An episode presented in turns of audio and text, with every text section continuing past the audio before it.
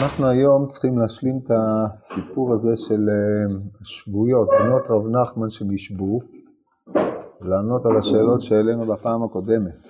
אז נחזור עוד פעם לסיפור, ויש אה, משמעות גדולה מאוד לנוסח המדויק של הסיפור, וכבר עמדו על זה בדקדוקי סופרים השלם במסכת גיטין. אז נקרא לכם את הסיפור לפי הנוסח היותר מדויק. אומרת הגמורה בינתא דרב נחמן בחשן קדירה בידי הוא. קשיא לילה רבין השכתיב אדם אלף מצאתי ואישה בכל אלה לא מצאתי. האיכא בינתא דרב נחמן גרמה להו מילתא וישתביין וישתביעי ונמי בהדיו. יום אחד אבייתיב גבי, הוא נמצא בשבי עכשיו, ישב אצלו ההוא גברא דבידא בלישנא דציפורי. הכיר את אה, לשונות הציפורים. עטה עורבא וקקרי, בא העורב וקרא. זאת כנראה זה היה דבר חריג. זה שעורבים קוראים זה לא דבר חריג, אבל זה שבא עורב וקרא, נראה הקריאה הזאת הייתה קריאה מתמשכת שמשכה את תשומת ליבו של רב איליש. אמר לי, מייקה אמר? מה אומר העורב? מאיפה הוא יודע שהוא אומר? אבל הוא הניח שהוא אומר. אז הוא אומר לו, איליש ברח, איליש ברח. זה מה שבא העורב לומר. אמר, אמר, הרב איליש אומר, עורבא שקר ההוא. ללה סמכינן עלי. זאת אומרת, אי אפשר לסמוך על עורבים, הם שקרנים, או העורב הזה הוא שקרן, ואני לא סומך עליו. הדהכי עתה יונה וקקריה. זאת אומרת, בין, בין כך ובין כך, בעודו שומע את העורב ורואה אותו עד שקר, או מישהו שממליץ לו דברים בשקרה, גם באה יונה וקרא. אז שואל אותו רב אילי, שואל את אה, אותו אדם היודע בלשונות הציפורים, מהי כאמרה? אמר לי איליש ברח, איליש ברח. גם היונה מצטרפת לומר איליש ברח, איליש ברח. טוב, אז עכשיו מה הוא יגיד? הרי אם הוא אמר לפני זה שהעורב הוא שקרן ואני לא סומך עליו, משום שאין לו בעיה לסמוך על מה שאומרים הציפורים, אלא העורב הוא בעיה. לא שאני לא סומך על מה שאומרים ציפורים באשר הם ציפורים, ולא השיקול דעת, אלא עוף השמיים יוליך את הכל, בעל כנפיים יגיד דבר, כיוון שיש פה עוף שמיים, צריך לדון האם הוא מוליך הכל או הוא מוליך הכל. אז אומר, איך נכריע? אמר כנסת ישראל כי יונה מטילה, נמשלה כנסת ישראל ליונה. שמע מינה מתרחש לי ניסה. זאת אומרת, אם כנסת ישראל, כנסת ישראל נמשלה ליונה, ואם ביונה היה איזושהי אה, אמירת פגם, מום או דברים מהם אלה, אי אפשר היה להמשיל את כנסת ישראל, שכולה ישרות וצדקות, ליונה. על כורחנו, מסקנה היא, אם אני אברח, יתרחש לי נס, מפני שאחרת לאיזה צורך יש לומר איליש ברח. איליש ברח פירושו של דבר תברח, ובהתראה פעמיים איליש ברח, איליש ברח, זה לא אמירה מקרית, מפני שעכשיו זאת שעה מסוגלת לבריחה. עכשיו מגיע הקטע היותר מורכב של הסיפור. אמר גם מבחינת הארמית וגם מבחינת העניין. אמר, איזי לך זה בנתי דרב נחמני קיימן באמנותיו אהדרינו. תרגום של המשפט הזה, אני אלך ואראה, בנותיהם, בנותיו של רב נחמן, אם הן עומדות בנאמנותם, אני אחזיר אותם. מה פירוש אני אחזיר אותם? אתה אמור לברוח, אתה לא, איך בדיוק תחזיר אותם? על כל פנים, זה הנוסח שהוא נוקט. אם הן עומדות בנאמנותם, אני אחזיר אותם. זאת אומרת, בריא לו, שאם הוא ימצא אותם נאמנות, על פי איזשהו מבחן שהוא אמור לקבוע, אז הוא יחזיר אותם. אין סכנה, אין שום דבר, שהרי כבר הובטח על ידי היונה הנמשלת לכנסת ישראל, או כנסת ישראל הנמשלת ליונה, איל ישברח, איל ישברח ויתרחש לו נס. טוב, עכשיו הוא שואל את עצמו, איך הוא יברר אם הן עומדות בנאמנותם? לכאורה הדבר הפשוט ביותר. זה הולך לדבר איתם, לראות מה מצבם, מה שלומם, מה עניינם, אבל אסור לעבוד שיחה עם האישה. ומה נעשה? זה פיקוח נפש פה. לא, הוא נוקט בשיטה אחרת, הוא אומר, הרי אדם, האדם יראה לעיניים, אבל אני לא יודע מה שיש במסתרי ליבו. איך אני יודע אם הוא נאמן או לא? למה מחי תהיתי שלא תעמיד אותו על חזקתו? אם עד עכשיו הוא היה בעיניך אישיות מדהימה, אישה בכל אלה לא מצאתי, והיא בעצם חורגת מכללו של קהלת, אז למה לא תדבר איתה? תשאל אותה איזה קושייה בגמרא, תדון איתה על איזה עניין ביראת שמיים, תראה שהיא עדיין עומדת באמונה, אמנם קדרה כנראה לא בחשה שם, אבל על כל פנים, השיח הישיר זה לא מספיק. לא, אני רוצה לדעת מה במסתרי ליבן. אתה לא נדרש לזה. כן?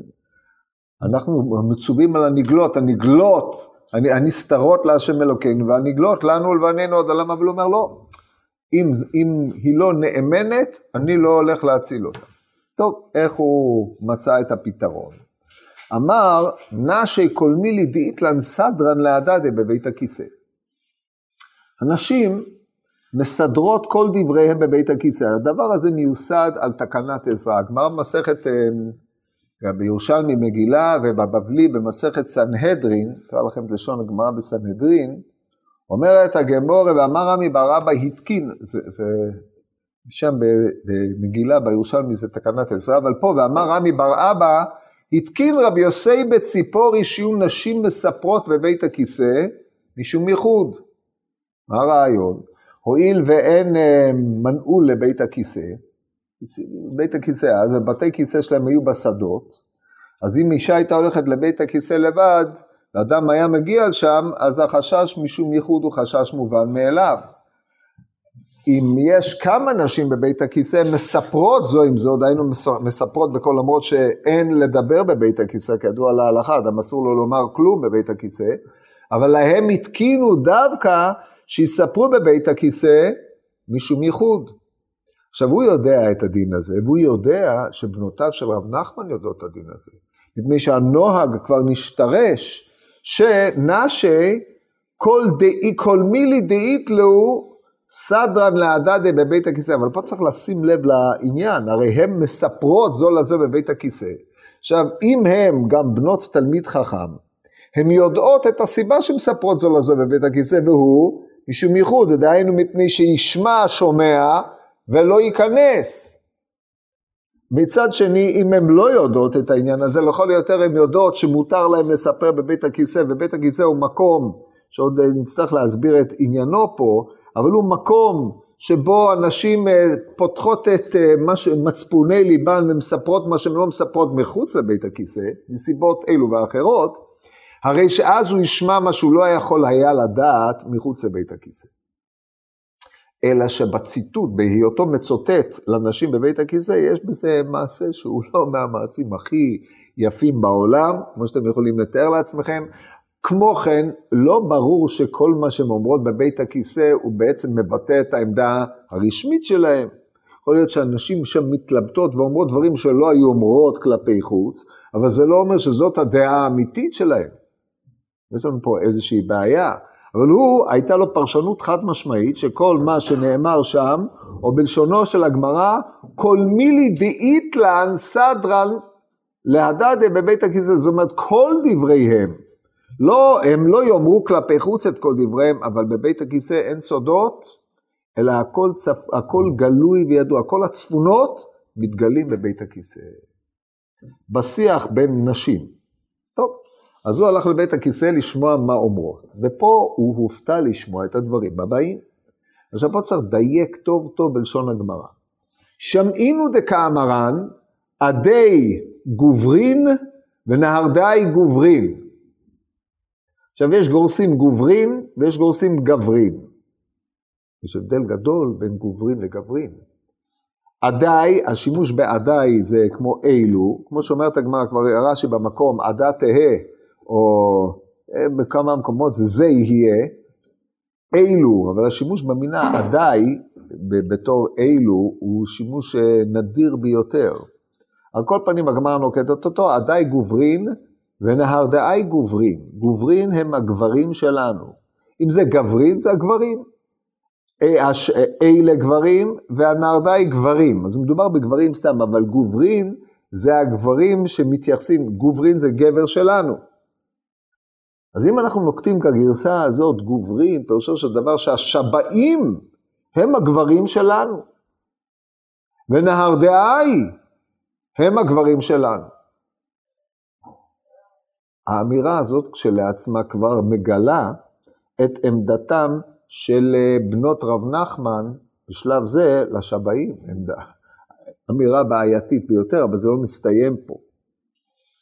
לימה להו לשבויי הוא, דלרחקינו מהכה דלא לשמעינו אינשה וליתו לפרקן. זאת אומרת, נאמר להם, לימה להו, נאמר להם, לשבוייהו. שבוייהו זה לשבעים שלהם. של מי? צריך להיות לשבויין, היינו השבעים שלנו.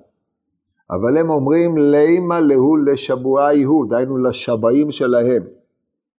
שזה עצמו אמירה משונה. שירחיקו אותנו מכאן, כדי שלא ישמעו אנשים ויבואו ויפדו אותנו. איזה אנשים באים לפדות? הואיל ואנחנו יוצאים מתוך נקודת ההנחה שמדובר פה בנשים נשואות, מפני שרק על אישה נשואה נאמר ואישה בכל אלה לא מצאתי, הרי שהאנשים שיבואו לפדות אותם זה הגברים שלהם, מפני שהגברים שלהם הם מחויבים על פי דין הכתובה לפדות אותם, תקנו פר קונה תחת כתובתה. לכן הוא חייב לפדות, האדם חייב לפדות את אשתו מן השבי עד אה, סכום מסוים, כמו שהגמרא קובעת, אבל על כל פנים הם האנשים שיבואו. זאת אומרת, נבוא ונאמר לשבעים שירחיקו אותנו מפה, כדי שלא ישמעו אנשים ויבואו לפדות אותנו, לא ישמעו מה? לא ישמעו שאנחנו פה, יבואו לפדות אותנו. זאת אומרת, הם נמצאים במקום שהוא לא רחוק מנהר דעה, מקום שנשבעו, ונאמר להם להרחיק אותנו מפה כדי שלא ישמעו שהשבעים, לא, אנחנו לא נמצאים רחוק ממקום ה, ממקומנו ויבואו ויפדו אותנו. האמירה הזאת היא בעצם אומרת אנחנו נאמנים לשבעים ואנחנו איננו נאמנים לבעלינו בנהר דעה או לגברינו בנהר דעה. הוא שמע את הדברים האלה, הבין עם מי יש לו עסק. קם ערק, קם וברח. זאת אומרת, התגובה, קם ערק בגמרא היא כתוצאה ממה שהוא שמע. אחרת הוא היה עושה השתדלס לצרף אותם אליו. עתה בא, עתה איהו, סליחה, עתה איהו והוא גברא. הוא בא עם אותו אדם, איש הציפורים. למה איש הציפורים נלווה אליו? אמר, אם הוא, ש... אם הוא יברח ויצליח, גם אני אברח. אני אברח איתו. אמנם לי הציפור לא אמרה כלום, אבל אם אתה עולה על, אתה מצטרף לרב איליש, כמו שהוא יצליח, אני אצליח איתו. האומנם? אומרת הגמור, לדידה התרחש לי ניסה. נתרחש לו לרב איליש נס, ועבר במעברה, הוא עבר במעבורת, את המים. אז כנראה נהרדה נמצאת ליד איזשהו נהר, כמו שאנחנו יכולים לתאר לעצמנו, הם היו בצד השני של הנהר, הוא ברח, עבר במעבורת והגיע קרוב לעיר ויכול היה להיטמע בין התושבים ולהיעלם מן השבעים. מה שאין כן האיש שלא הספיק להגיע למעבורת, וההוא גברא אשכחוה וקטלוה, מצאו אותו והרגו אותו. והשבעים הרגו אותו. טוב, עכשיו מה קרה? המשפט האחרון, הכי מאלף. כי הדרן ועתן, כאשר חזרו ובאו, הבו קבחשה קידרה בכשפים. היו בוחשות קדרה בכשפים. עד כאן הסיפור. עכשיו, בשיעור הקודם שאלנו על הסיפור הזה הרבה מאוד שאלות, אנחנו עכשיו ננסה לפענח את העניין. כמו שאתם מבינים אל נכון, הסיפור הזה הוא לא סובל מריאליות יתרה, ואנחנו צריכים לשאול מה בעצם המסר שנעוץ בעומקו של הסיפור. מה רצה המספר לספר לנו על העניין הזה? על ניסיון של רב איליש, על בנותיו של רב נחמן, כבר תמהו מפרשי הש"ס, אה, זה בכו וזה בכו, למה באו לדבר בגנותם של בנותיו של רב נחמן, ועוד קושיות גדולות הערימו על התנהלותו של רב איליש, כמו שאנחנו נראה עוד מעט. עכשיו אנחנו נחזור לסיפור לאט לאט, נדייק בפרטים וננסה להבין את העניין. המשנה אומרת, אין פודים את השבויים יתר, מכדי, יתר על כדי דמיהן מפני תיקון העולם, ואין מבריחין את השבויים מפני תיקון העולם. רשב"ג אומר מפני תקנת השבויים. אומרת הגמורה, מאי בעיניי ויקה בעיניי ודליקה אל אחת. זאת אומרת, אם אין מבריחים אותם מפני תיקון העולם, או מפני תקנת השבויים, האם כדי שלא יזיקו לשבויים האחרים, אז אם יש שבוי אחד, אז יכול לברוח כי אין למי להזיק, אבל אם זה מפני תקנת העולם, שיראו את התנאים של השביה הבאים, אז אין מבריחים את השבויים. אז על פניו, צריך לשאול את אה, רב איליש מה, איך הוא למד פשט במשנה הזאת, הרי אחרי כך לא הכל, בגלל שאיזו יונה באה ואמרה מה שאמרה ונתרחש לו נס, אז אולי לא נתרחש הנס, אבל אנחנו יכולים לתאר לעצמנו שהתנאים של השביה אחרי כן הורעו. אז במה שאתה עושה, אתה גורם לאחרים תנאים יותר קשים לכאורה, ואז בוקעת ועולה השאלה מי התיר לך.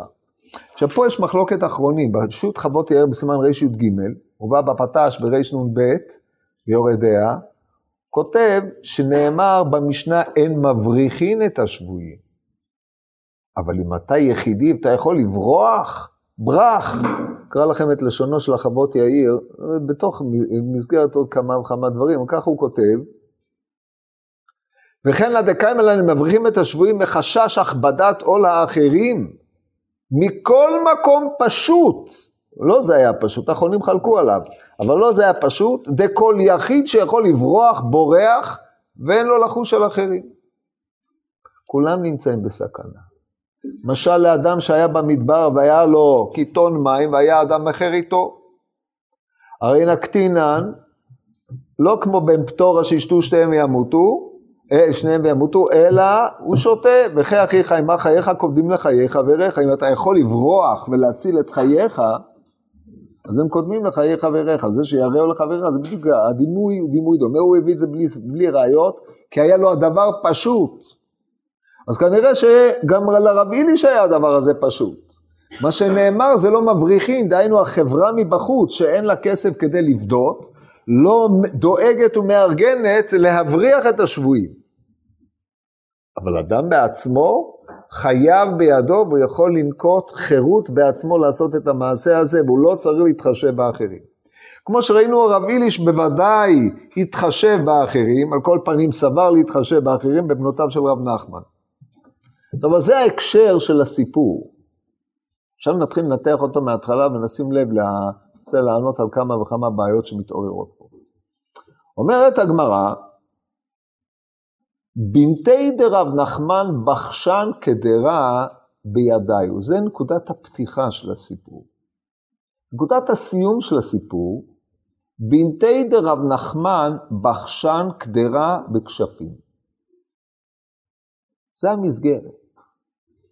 אומר רבינו תם, מובא בתוספות צ'אנס בגיליון שמובא בדקדוקי סופרים, ולדעתי זה באמת הפשט הברור והפשוט, בין תחילת השבי לבין סוף, ולפני השבי לבין אחרי השבי, השתנה הסיפור. לפני השבי הם בחשו בקדרה בידם, אחרי השבי הם בחשו בקדרה בכשפים. זאת אומרת, הסיפור, השבי מחולל פה איזשהו שינוי אצל בנותיו של רב נחמן. אבל זאת הנקודה שאנחנו נניח אותה כהנחה ברורה. אין, אין ספק שהרבה מאוד מהמפרשים, ובראשם המהרש"ל, לא סברו כדבר הזה. מאחר שהמהרש"ל גורס בסוף הסיפור, כי הדן ועתן אמר, הבו קבח שנקטרה בכשפים. זאת אומרת, כאשר הם באו, חזרו מהשבי, אמר רב איליש, איגלי מילתא למפרע, שמה שראיתי לפני השבי לא היה אלא בכשפים. אז הסיפור הזה בעצם סיפור בירור על אמ, איך רב, נח, איך אה, רב איליש תפס את בנותיו של רב נחמן. זאת אומרת, רב איליש הייתה קושייה על הפסוק מקהלת מהמציאות, והשבי תרץ לו את הקושייה. בגלל מילתא למפרע שמשהו פירש בתחילה שהנשים הללו, בנותיו של רב נחמן, חורגות מהכלל של בישה בכל אלה לא מצאתי, לא נכון, אלא גם מעיקר בחשו בכשפים. לכן המהרש"ל הגיע פה, אמר, אבל בכתבי היד המדויקים, לאיתה וכבר עמדו על זה בדקדוקי סופרים השלם בהערה ארוכה, ובאמת בפשוטו אנחנו רואים, והם הביאו שם את דעת רבינו תם זו, וככה אנחנו נניח. בתחילה בידיי בסוף בכשפים. אבל השאלה הגדולה היא מה פירוש בחשו קדרה בידיהם. כבר שאלנו בשיעור הקודם, בשביל מה? טוב, אז אתה לא רוצה להשתמש בכפות, אתה לא רוצה להשתמש באמצעים אחרים, לא צריך.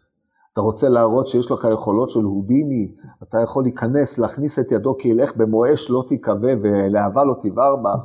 טוב, אז יש בך איזושהי חריגה, שמשכת את אורך בדם של סלמנדרה, או עוד כל מיני דברים כאלה. מה יש בזה? איזה תועלת יש בזה? איזה תועלת שמצביעה על צדקות יש בזה? אז רש"י אמר בהקשר הזה, מגיסות הגדרה בידיהן כשהיא רותחת, והרועה סבור שאין האור שולטת בהם שצדקניות הן. כן, רש"י הוא בעצם המוטיבציה של המהרש"ל, הרועה סבור. אבל האם זאת קריאה, זאת קביעה שהאישה היא צדקת? אם היא יכולה לבחוש את הגדרה בלי כף, אז סימן שהיא צדקת כי האור לא שולט בה? למה? למה זה אומר? אנחנו היינו מחפשים קריטריון הרבה יותר פשוט. יש לנו פרק במשלי ל"א, אשת חי נמצא. יש לו שם קריטריונים ברורים, מה זאת אישה צדקת. אף אחד מהקריטריונים שם זה לא לבחוש קדרה באופן הזה במעשה נס. אז אם נעשו לה מעשה ניסים, זה, זה סימן טוב או סימן לא טוב? הרי הגמרא אומרת בשעבס בג' עמוד ב', כמה מגונה אדם זה. שנעשו לו ניסים, אם אפשר לעשות דבר בלי נס, ההזדקקות לנס היא לא דבר טוב. אז למה? דבר שני, כבר דייק המהרש"א, בהמשך הסיפור הגמרא אומרת, אחרי קשלו לרב איליש, גרמה לאומילתא ואשתביאן. גרם להם דבר ונשבו. איזה דבר גרם להם ונשבו? הרי היה אפשר להגיד, השתביאן. בלי, ברור שהם נשבו מפני שבאו, השתלטו על העיר, עיר שכבשו הכרכום, באו נניח מתדמור בן נצר וחבריו, השתלטו על נהר דעה ולקחו אותם בשבי, מעשים שהיו. אנחנו יודעים מה זה, בנותיו של שמואל נשבו, בנותיו של רב נחמן העיר תדמור, שהיא לא רחוקה מנהר דעה, אנשי נהר דעה הוטרדו מאנשי תדמור כל הזמן. כן, זה מתועד בספרות, נכתבו על זה מחקרים, אז בסדר, באו ושבו אותם. מעשה שהיה. אבל למה צריך להגיד גרמה לאומילתא? איזה דבר גרם? אז לכן אומר המהרש"א, העובדה שהם בחשו בקדרה בידיהם זה גרם. איך זה גרם? אז אתה יכול להגיד, הייתה קפידה אלוקית על זה שמשתמשים ביכולות יוצאות מגדר הרגיל, ולכן זה גרם שנשבו. אבל מה נאמר, ומה נדבר עם ההמשך? וישתה בי ונמי בעדיו. גם הוא נשבע איתם, אז למה הוא? הרי הוא לא בחש בגדרה בידיים, אלא מה? כיוון שהוא ראה אותם בוחשות בגדרה בידיים והייתה לו קושייה על הפסוק, אמרו לו, אנחנו נשלח אותך לשבי כדי לתרץ את הקושייה על הפסוק. אבל זה בסדר, אבל זה לא מספיק. השאלה הגדולה היא, למה, למה זה גורם לזה? שאלה שצריך לתת עליה את הדעת. בסוף הן חוזרות ובוחשות בקדרה, הפעם הן בוחשות בכשפים. ומה החשיבות שיש בבחישת הקדרה הזאת. לכן נראה לי שבחישת קדרה פה זה לא כפשוטו. וכזה המוטיבציה היא כדי להסביר את מה שהיה קשה לו לרב איליש. כתיב אדם אחד מאלף מצאתי ואישה בכל אלה לא מצאתי. הרי יש בנותיו של רב נחמן, שבוחשות קדרה בידיהם, ולכן הן סותרות איזה אישה באלף. מה יש בזה? כמה אנשים, גברים יכולים לבחוש קדרה בידיים כדי שתגיד, אדם באלף מצאתי ואישה בכל אלה לא מצאתי. אמרנו בשיעור הקודם, שכדי להגיד אישה בכל אלה לא מצאתי, הוא חייב להכיר אדם אחד מאלף. אחרת אין לך אמת מידה של השוואה. אמרנו בשיעור הקודם, הסברה היחידה שנראית פה בשטח זה הרב נחמן. רב נחמן היה דיינה נחית לעומקא דדין ההלכה כבתי בדיני, רב נחמן היה דיין של נהר דעה, חתן של ראש הגולה, אומרת הגמורה במציע בס"ו, בלישנא בתרא, כל עלמא עלי כדר דקי בדינה. ככה הוא אומר, אפילו על רב יהודה, כן, הסיפור המפורסם בקידושין עין, כנראה נוקט, אה, מה לישנא קמא, הרי הוא אמר את זה על רב יהודה שם בבבא מציע, זה שתי לישנות. אבל כל פנים, בנהרדעה הוא היה המורה הוראה, הדיין, הרב, גדול הדור.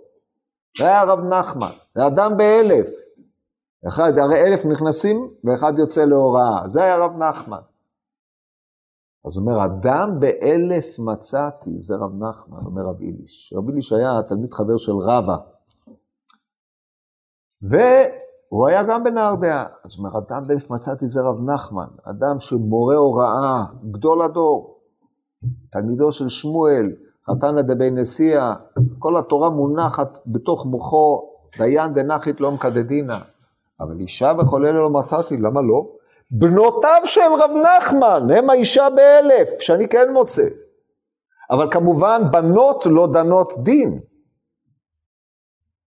אז איך מצאת, אלא שמה שהם עשו, הם עשו מעין מה שעושה הדיין, אבל בהקשר אחר. עכשיו, אנחנו לוקחים את המונח לבחוש, לבחוש קדרה, לא לבחוש בקדרה, כי זה ביטוי מודרני יותר, לבחוש קדרה. יש לך קדרה, הקדרה, כל עניינה היא רותחת. היא מחברת דברים על ידי רתיחה, היא מבעבעת.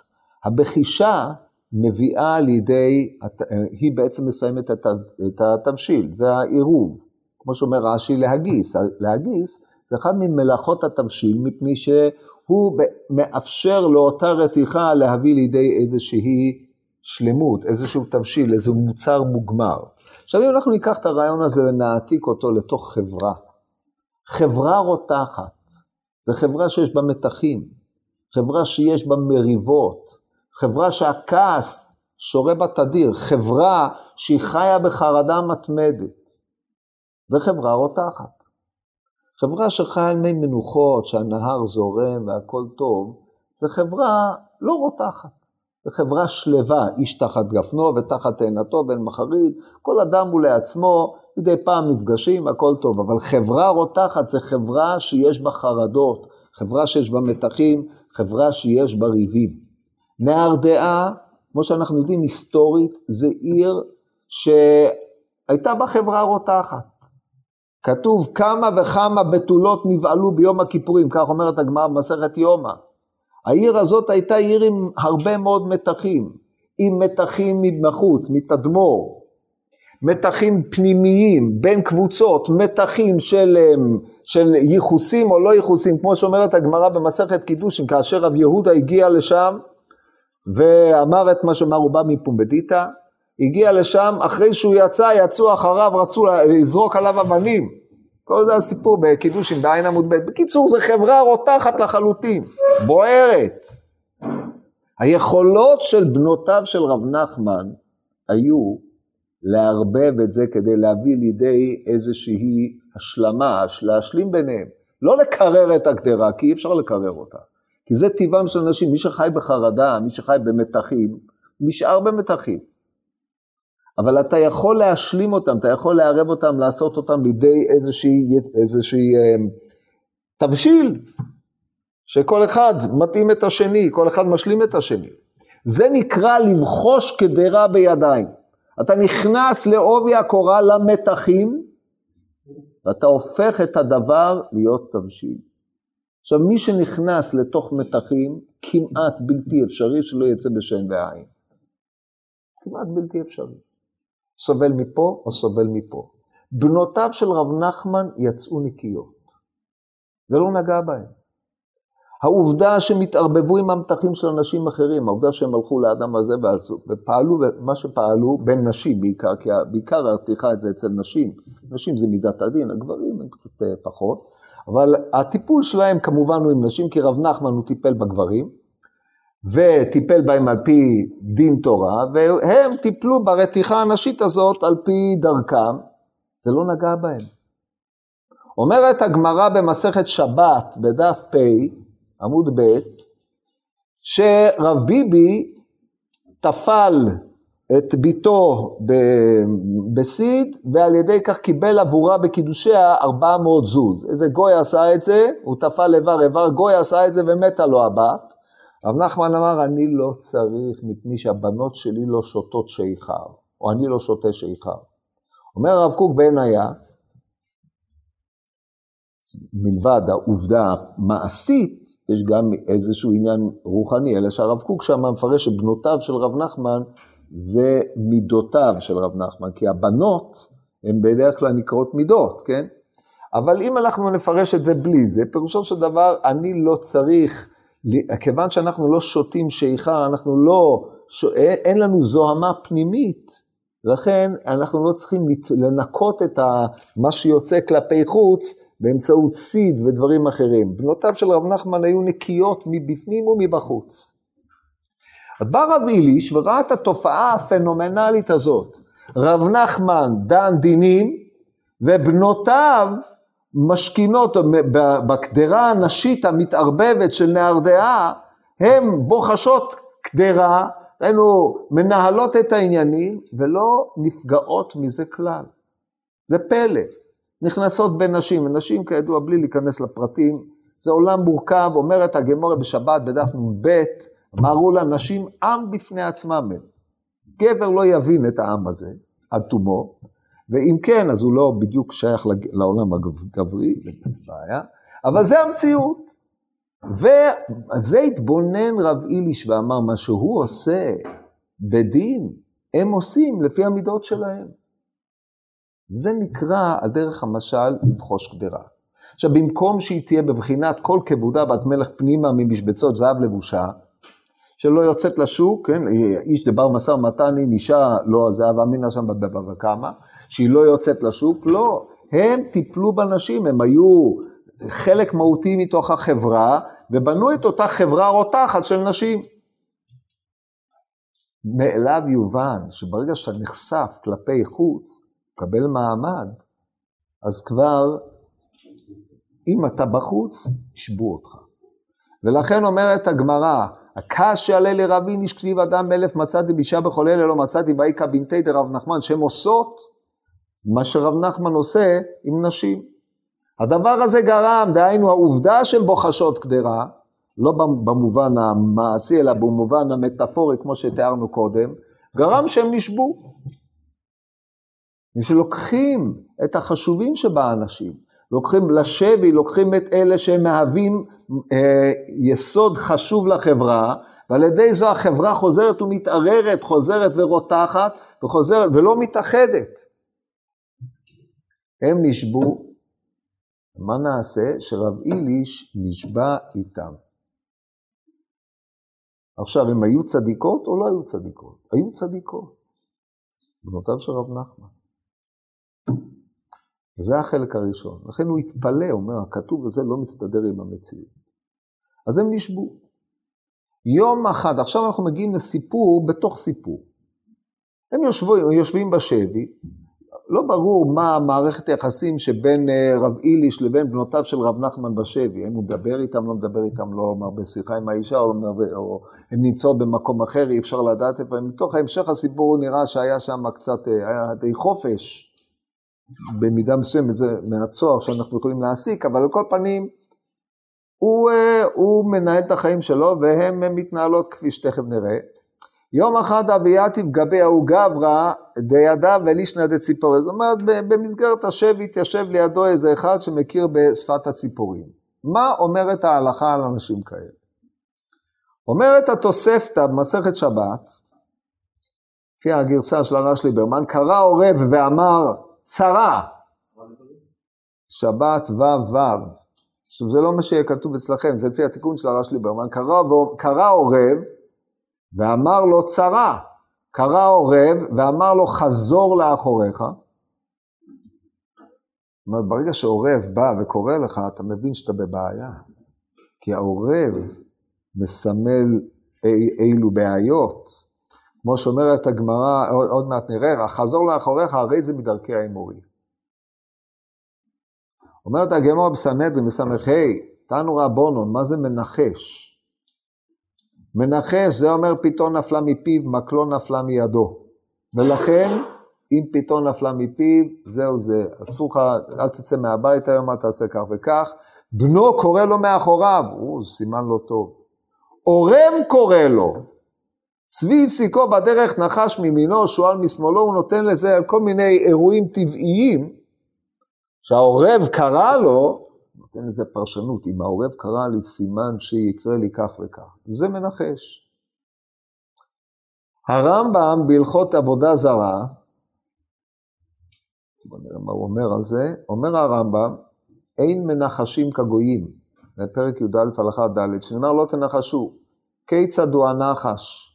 כגון אלו שאומרים, הואיל ונפלה פיתי מפי, נפל מקלי מידי, אני הולך למקום פלוני היום, וכולי וכולי. וכן אלו ששומעים צפצוף העוף, ואומרים, יהיה כך ולא יהיה כך. טוב לעשות דבר פלוני, ורע לעשות דבר פלוני. אומר הרמב"ם, בכל העושה מעשה מפני דברים אלו, לא כן. זה הרמב"ם. עכשיו, הרשב"א נשאל על זה בתשובה, ופלפלו בזה, אנחנו, אין לנו עכשיו זמן להאריך בכל העניינים האלה, דנו בזה, בסוגיה הזאת, זה אחד הנושאים המרכזיים שדנו. אבל אה, מה נעשה עם רבי איליש? מה עושים? על פניו יש פה בעיה לא פשוטה. מה תגידו? שהוא לא חשב כמו הרמב"ם, אז איך לפי הרמב"ם מתרחש לו נס? אדם מנחש ומתרחש לו נס? מה תגידו? שבאמת לא התרחש לו נס, אבל המספר מתייחס למה שקרה לרב איליש בתור התרחשות של נס. אז איך אנחנו אמורים להבין את הדבר הזה? בואו נראה. טוב, בכל מקרה הוא יושב ליד אותו אדם שיודע בלשונות הציפורים. בא העורב וקרא, אז הוא אומר לו, מהי כאמר? באמת, לפי הרמב"ם, מה זאת אומרת מהי כאמר? הוא לא אומר כלום. זאת אומרת, הוא אומר, יש לו הרבה דברים שהוא אומר, אבל מה זה נוגע אליך? אומרת, זה שהעורב אמר, נניח שאתה מתרגם את זה לשפה, לשפה, לפי איזה שהם סימנים שאתה יודע בלשונות הציפורים, כי הרי כתוב על רבן יוחנן בן זכאי, שידע אפילו בשיחת הדקלים. אז הוא ודאי ידע בשפת הציפורים ושיחתם וכיוצא בזה. אז נניח שבשיחת הציפורים העורב בא ואמר איליש ברח. האם הדבר הזה מחייב אותך לפעולה? האם יש איזושהי רציונליות בעניין הזה? אז באמת יש צדדים לכאן ולכאן, כמו שכתוב בספר קהלת, אה, הפסוק הזה כי אה, עוף השמיים יוליך את הכל, ובעל כנפיים יגיד דבר. והסבירו המפרשים שיש אי אילו ידיעות בעולם שהן מתורגמות, הן באות מעולמות עליונים, והן אה, ניתנות לבעלי החיים, הם לא יודעים, הבעל, בעל חיים לא יודע מה הוא עושה, הוא רק מוליך את הכל. אם אתה שומע אותו, אתה יודע מה לעשות איתו, אבל כמו שראינו, הדבר הזה עומד בניגוד מוחלט למה שהרמב"ם אומר. טוב, אז הוא אמר, מה קורה? אז אמר לו איליש ברח, אמר לו, העורב הוא שקרן, ואני לא סומך עליו. אחרי זה באה יונה. עכשיו, לא צריך הרבה דמיון כדי לדעת שעורב ויונה הם שני מוטיבים שהמקור שלהם הוא תיבת נוח. נוח שבוי בתוך התיבה. נוח רוצה לצאת מן התיבה. יש כמה דרכים. תישאר עד שהקדוש ברוך הוא יגיד לך צא. אבל יש עוד אופנים. תנקוט יוזמה. מה נוח עושה? פותח את חלון התיבה, שולח את העורב. העורב לא משתף פעולה, יוצא יצוב ושוב עד יבוש את הארץ, עד יבוש המים מעל פני הארץ. שולח את היונה, היונה מביאה לו בשורה. לראות הקל הוא המים. עכשיו בא רב איליש ואומר, אני בשבי, אני, בתו, אני צריך לצאת מפה, אני צריך לחזור לחיים שלי, צריך לחזור לתורה, אני נמצא בשבי, מה אני עושה פה בכלל? בתוך תיבה אני כלוא. בא העורב וקורא. אומר, אומר אה, רב איליש, אי אפשר לסמוך על העורבים. באה יונה וקוראת. עכשיו הוא אומר, טוב, אם הוא היה אומר, טוב, אם היונה קוראת, אז אני הולך. אז הוא היה באמת סומך על צפצוף הציפור. מה הוא אומר? נמשלה יונה, נמשלה כנסת ישראל ליונה. זה מה שהוא אומר. האם בגלל שהיונה אמרה לו איליש ברח הוא בורח? לא.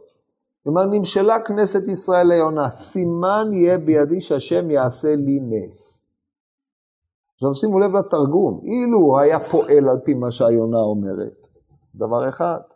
אבל כיוון שהוא נותן עכשיו פרשנות לאירוע שבא לפניו, והפרשנות הזאת היא לא אני סומך על דברי היונה, אלא כיוון שהקדוש ברוך הוא זימן לידי אי אילו סימנים אני צריך עכשיו לפרש את המציאות לפי מה שאני מכיר, אז הוא אומר, אם הקדוש ברוך הוא זימן לי יונה, אז סימן שהקדוש ברוך הוא רוצה, הוא הולך לעשות לי נס. ככה אדם נותן פשר לסימנים שבמציאות. לא סומך על דברי היונה.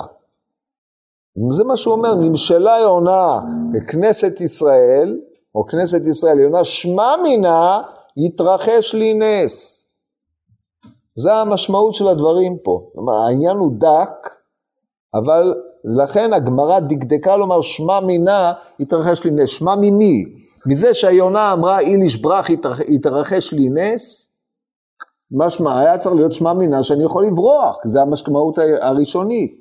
יתרחש לי נס, פירושו של דבר שהקדוש ברוך הוא עומד לעשות לי ניסים, ואני צריך לעשות את המעשה שלי. זה, המס, זה המס, המסקנה, כן? כאשר חזרה יונה עם עלי זית טרף בפיה, הבין יונה, הבין נוח את המשמעות של הדברים, ידע שקל לו המים מעל הארץ, כשהיא לא חזרה אליו עוד, הוא ידע שאפשר להוציא את בעלי החיים, פתח את מכסה התיבה, או עשה מה שעשה. אז גם רב אילי, שעכשיו הוא מפרש את המציאות, על פי מה, על פי, ה, על פי ההכלה הזאת של ענייני התורה, מה שהוא למד, בעניין הזה, הגמרא במסכת ברכות בדף נ"ג, אומרת כדברים האלה, מה ישנה יונה דמטילי כנסת ישראל ליונה? למה באמת נמשלה כנסת ישראל ליונה? דכתיב כנפי יונה נחפה וכסף ועברותיה בירקרק חרוץ, מה יונה אינה ניצולת אלא בכנפיה, אף ישראל אינם ניצולים אלא במצוות. מה ניצולים? וכי יונה כל היום היא ניצולת? אין לה חיים חוץ מבריחה. אלא אדרבה, ההקשר של יונה זה הקשר של הצלה. כן, אומרת הגמרא, אה, לא, המדרש אומר אה, על פסוק יונתי בחגבי הסלע בסתר המדרגה, רבי אליעזר פטר קראיה בישראל על הים. שהיונה ניצ... אה, צריכה להינצל, כנסת ישראל צריכה להינצל. אומר רב אילי, שהוא לוקח את המימרה הזאת, ואומר, אם היונה היא פה, היא, היא, היא, לא היא אומרת, אלא הקדוש ברוך הוא שלח לי סימן, כנסת ישראל באה ומדברת איתי. אומרת, יעשה לך נס, עכשיו אתה יכול להינצל, כי זה משמעות היונה. לא משנה מה היא אמרה. אמרה אליש ברח, אמרה דברים אחרים, תרצה קושייה, לא חשוב. עצם ההופעה של יונה פה בהקשר הזה, זה מה שבא לומר לו. מעין מה שכתוב, שבאה יונה על המערה אחרי י"ב חודש, אמרה להם הם יכולים לצאת או לא יכולים לצאת עם רשב"י ורבי אלעזר. טוב, אז זה המשמעות כדי לקיים את הדברים הללו גם בשיטת הרמב"ם ולא להתחבט בעניין הזה יותר מדי. מכל מקום, מה זה אומר? איזה פרשנות רב איליש נותן? אני מקיים מצוות, כיוון שאני מקיים מצוות, אני יכול להינצל. אז, אז המשמעות המיידית, אחד ועוד אחד היא, בנותיו של רב נחמן, גם הם יכולים להינצל. אלא מה? יש לו עכשיו פה בעיה. אם הוא ילך ויציל את בנותיו של רב נחמן והן לא ראויות להינצל, מה יקרה לו? גם הוא לא יינצל. אז לכן הוא חייב לבדוק. טוב, אז זה, זה הבדיקה וזה המשמעות שהוא נותן לדברים. רגע, רגע אחד. עכשיו, אמר איזה לך זה בנתי דרב נחמן יקיימנה באמונותי ואדרין. עכשיו, מה העניין? הוא לא דיבר איתם, לא שמע, לא ידע, לא כלום. עכשיו, פה אנחנו צריכים לתת איזשהו עניין, להסביר קצת על עניין השבויים. נשים שנפלו בשבי, לפי ההלכה, הם בגדר, הם בחזקת זונות. זונות במובן ההלכתי, דהיינו בחזקת שנבהלו לגויים, ונאסרו לכהונה. אבל הם לא נאסרו לבעליהם, אלא אם כן הם נשארו שם ברצון. אומרת הגמרא מסכת כתובות בדף נ"א עמוד ב', מחלוקת בין אבוה דשמואל לבין רבא, אבל אותנו מעניין רבא, כל שתחילתה באונס וסופה ברצון, בסוף ברצון, אפילו אומרת תניחו לו שאלמלא לא נזקק לה, היא סוחרתו, מותרת, מה איתם היצר הלבשה. תניא כבתי דרב, אבי לא נתפסה, אסורה, כן, זה כתוב על סוטה. הנתפסה, דהיינו נאנסה, מותרת, ויש לך אחרת שאף על פי שלא נתפסה, דהיינו אישה שלא נאנסה, אלא נבהלה ברצון, מותרת, ואיזו זו כל שתחילתה באונס וסופה ברצון. ממשיכה הגמורה ואומרת, אמר רב יהודה, הני נשי דגנבו גנבי, גנבים גנבו נשים. שריין לגובריו. למה? אמרי לרבונו לרבי יהודה בא כממתילן לאונמה, הרי הן מסייעות להם, הן מביאות להם לחם, הן מספקות להם את החיצים לנשק, בקיצור הן עוזרות להם. אומרת הגמורה מחמת יראה. מתי הם ייאסרו על בעליהם? ודאי שבקינו ואז לן מנפשיו? אסירן. זאת אומרת, אם הגנבים או השבעים ישחררו אותם והם יחזרו אל השבעים, אז הם אסורות. אבל אם לא, לא. וככה פוסק הרמב"ם בהלכות, אה, בוא נראה, רמב"ם בהלכות אישות בפרק כ"ד, אומר, נשים שגנבו אותם ליסטים הרי הן כשבויות שהן אנוסות ומותרות לבעליהם, ואם הניחום והלכו לליסטים מעצמם, הרי אלו ברצון ואסורות לבעליהם. זה העיקרון. הוא פוסק גם את רבה, תחילתה באונס וסופה ברצון. אז אומר הרמב"ם, מי שהתחיל לבעול באונס אין בידה שלא תרצה, שיצר לב, יצר האדם וטיבו כופה אותה לרצות. זה המצב. אשר על כן, עכשיו אנחנו חוזרים לבחינה הזאת שרוצה רב איליש לבחון אותם. מה אתה הולך לראות? אתה הולך לראות ש... איזה בחינה תבחן? הרי גם אם היא נבהלה ברצון, אם היא שבויה, חזקתה, שזה תחילתו אונס וסופו רצון, המבחן היחיד הוא אם רק אחרי ששחררו אותה, נשארת מרצונה בשבי. אחרת, היא מותרת לחזור לבעלה. אז איזה מבחן אתה הולך לעשות? מה הולך? זה, זה ממש פלא. דבר אחד. דבר שני,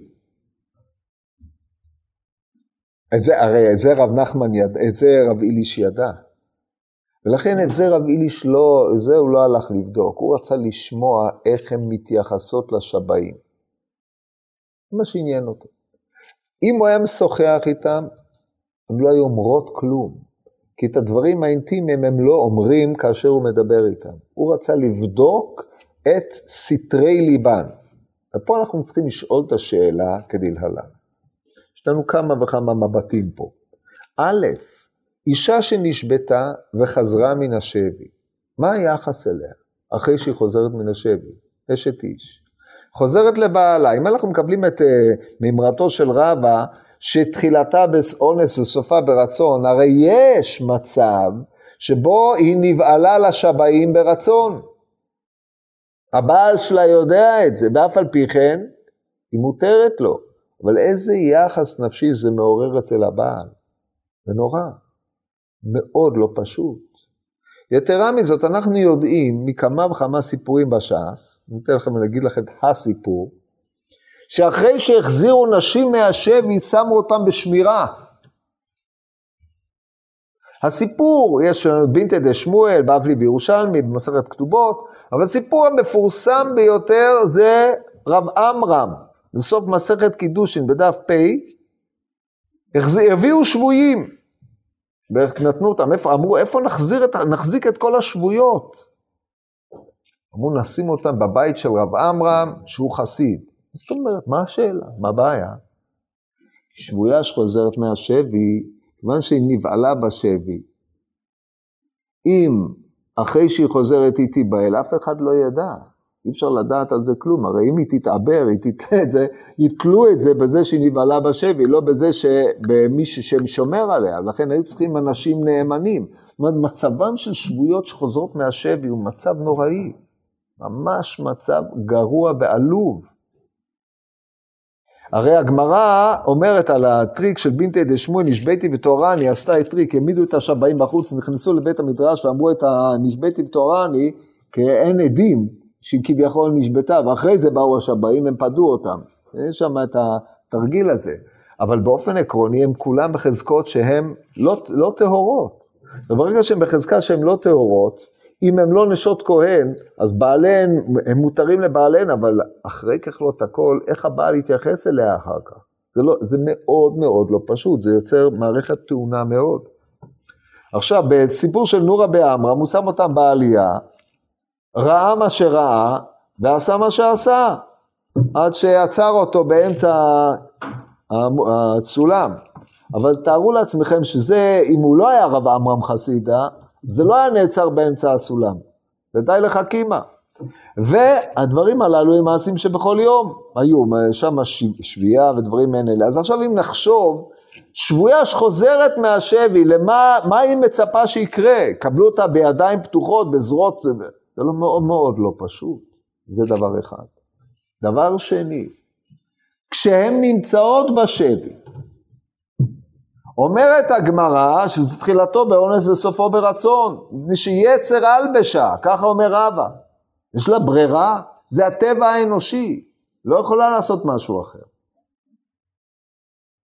אז עכשיו האמירה, מה, אז עכשיו פה צריך לשאול מה רב איליש הולך לשמוע שיתחדש לו, אם הוא יודע את כל מה שאמרנו עכשיו, הרי הוא תלמידו של רב, הוא אמור לדעת הגמרא הזאת בקידוש, בכתובות נ"א, מה הוא הולך לשמוע שהוא לא ידע? הם עמדו, לא עמדו במבחן שעל פי הם נדע שהן נאמנות לשבעים יותר מאשר לבעליהן, כי הרי הם עוד לא שוחררו מהשבי. זו שאלה נכבדת שצריך לחשוב עליה. עכשיו בואו נראה מה הם אומרים. שם אינו דקאמרן, פה המשפט הזה הוא דו-משמעי והוא מביא לרעיון. עדי גוברין ונהרדאי גוברין, אלו גברינו ונהרדאי גברינו. גברינו פירושו של דבר שאנחנו משמשות אותם, ואנחנו משמשות את הגברינו בנהרדעה. ההשוואה ביניהם היא השוואה בעייתית מאוד. בעצם אומרים, אנחנו גם, אפשר לקרוא את המשפט הזה בכמה אופנים, אבל אחד האופנים הוא, אנחנו שבויים פה ואנחנו גם שבויים שם. אז עכשיו השאלה, באיזה שבי לבחור? זה מה ששמע רב איביש. זאת אומרת, אפשר היה להגיד, אלה גברינו ואלה גברינו, ולכן אין לנו עדיפות, מי שבין כך ובין כך אנחנו עושים איתנו מה שהם עושים, או, שזה הפרשנות, אלה, שבועי, אלה גברינו, אלה גברים ואלה גברים, וכיוון שיצר על בשם, מה לי הכה, מה לי אתם, או אנחנו שבויים פה ואנחנו שבויים פה. זאת אמירה חמורה ביותר, זאת אומרת, החיים שלנו בנהר דעה זה חיי שבי. זו אמירה מודרנית משהו, אבל אבל ברגע שאתה משווה אלו ואלה, ההשוואה הזאת כמעט מתחייבת, אתה חייב לקחת את כל הצדדים. זאת אומרת, חיינו בנהר דעה לא הרבה יותר טובים מחיינו פה. אנחנו חיים באיזשהו שבי, בתוך איזושהי קהילה, מתוך מוסכמות מסוימות שאנחנו מחויבים עליהן. אנחנו בנות, נכדות של ריש גלותא, נשואות לאי אילו אנשים שהמעמד מחייב, אין לנו חופש. אנחנו לא חיים כחיים של אנשים פשוטים, זה חיי שבי. זו אמירה חריפה מאוד, אבל אז מה, זה לא, זה כלול במה שכתוב פה. את זה שומע רב איליש.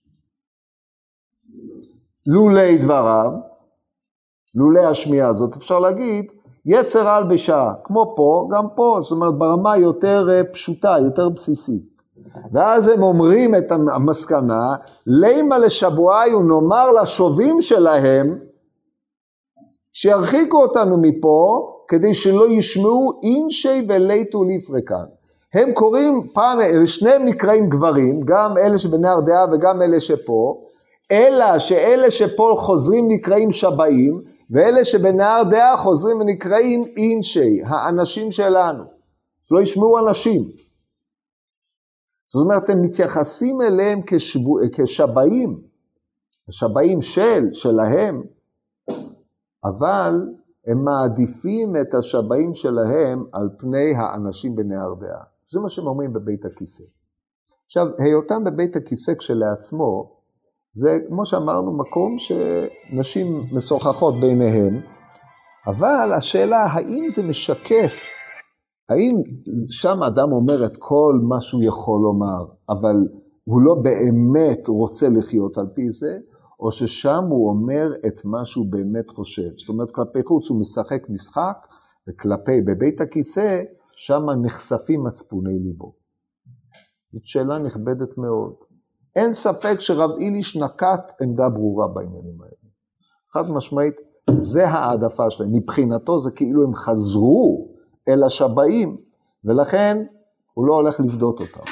אבל האם זה נכון? האם אישה שאומרת, מה יצא לי כשאני אחזור מהשבי, אני אחיה חיים נוראים אחר כך, אני אחיה חיים של אישה שפדו אותה מהשבי, אז עדיף לי לא לחזור מהשבי. זה אמירה, זה התלבטות, זה בעצם שיח שאדם משוחח ומתאר את הקשיים הנוראים שאישה עוברת בשבי. עכשיו אם אנחנו נקרא את זה ככה, האמירה הזאת איננה אמירה מחייבת, אבל אין ספק שרבי איליש למד פשט באמירה הזאת באופן מסוים. ולכן רבי איליש נוקט עמדה, קם וערק, משאיר אותם שמה ובורח. זאת אומרת, מה שיוצא עכשיו שרבי איליש היה יכול להציל אותם, אבל הוא דן אותם לכף חובה. מה קרה בסוף? כבר אמרנו בשיעור הקודם, שמאוד לא סביר לבוא ולהגיד לשבאים, אנחנו מבקשים, תרחיקו אותנו מנהרדעה כדי שלא יפדו אותנו, כי בדרך כלל תכליתם של שבאים היה להרוויח מהם כסף, הם מוכרים אותם לעבדים, נשים לא היו חסרים להם לשבאים האלה, היו מוכרים אותם לעבדים, או מבקשים כופר מטורף בשבילם, כמו שאנחנו ראינו, אה, כמו שקורה היום, בקיצור, זה מה שהיו עושים. אז ממתי השבא ישמע לאישה? מה, את כל כך חשובה בעיניו?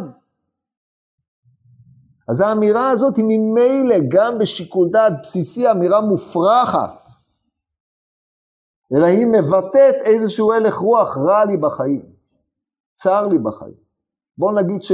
שלא יפדו אותנו, אנחנו נישאר פה, כי הפדיון זה לא כזה גליק, זה לא אור כזה גדול. מה שאנחנו מקבלים שם, אנחנו מקבלים פה, ואחרי הפדיון, שם יהיה הרבה יותר גרוע. שם אנחנו נוחתים מאיגרא רמא לבירא עמיקתא. זו אמירה, אמירה אמיתית, זה כאב של אישה. שכמו שאמרנו, אנחנו עולם הגברים לא מבינים את זה עד הסוף, וזה מה שאני יכולתי להבין בערך. אם אנחנו מקבלים את הדבר הזה, אנחנו חייבים לסיים פה, אז נראה רק בסוף מה שקרה, הם חזרו ובאו. לא כתוב איך, לא כתוב מה, כאילו, האמירה, כל, כל הגיגיהם כמאן דליתא, נפדו וחזרו. הם חזרו למקומם, אלא כשהם חזרו למקומם, הם חזרו גם למעמדם. אבל אי אפשר לה לאישה לחזור למעמדה. לכן היא ממשיכה לבחוש, אבל מכאן ואילך היא משתמשת בנחלים, נ"כ ל"י כן? מכלי אישה, שהרי כתוב בגמרא, בירושלמי, במסכת קידושין, ד' י"א, הכשרה שבנשים, כבר הבאנו לכם את זה, נכון? אקרא לכם את הלשון, הכשרה שבנשים בעלת כשפים. יוצא שהסיפור הזה, עכשיו, איך הוא עונה על הקושייה של רב איליש, אישה בכל אלה לא מצאתי, כי אישה, גם אם היא תהיה הכשרה ביותר, היא לא עומדת בניסיון כזה, כי היא לא יכולה, כי זה טבע אישה. אצל אדם אין את הדין של יצר הלבשה. כתוב אין, אין קישוי אלא לדעת, אבל אצל אישה יצר הלבשה, כמו שאמר הרמב"ם, זה טבע אישה, ולכן אישה בכל אלה לא מצאתי. כשהיא חוזרת למעמדה, היא חוזרת בכשפים.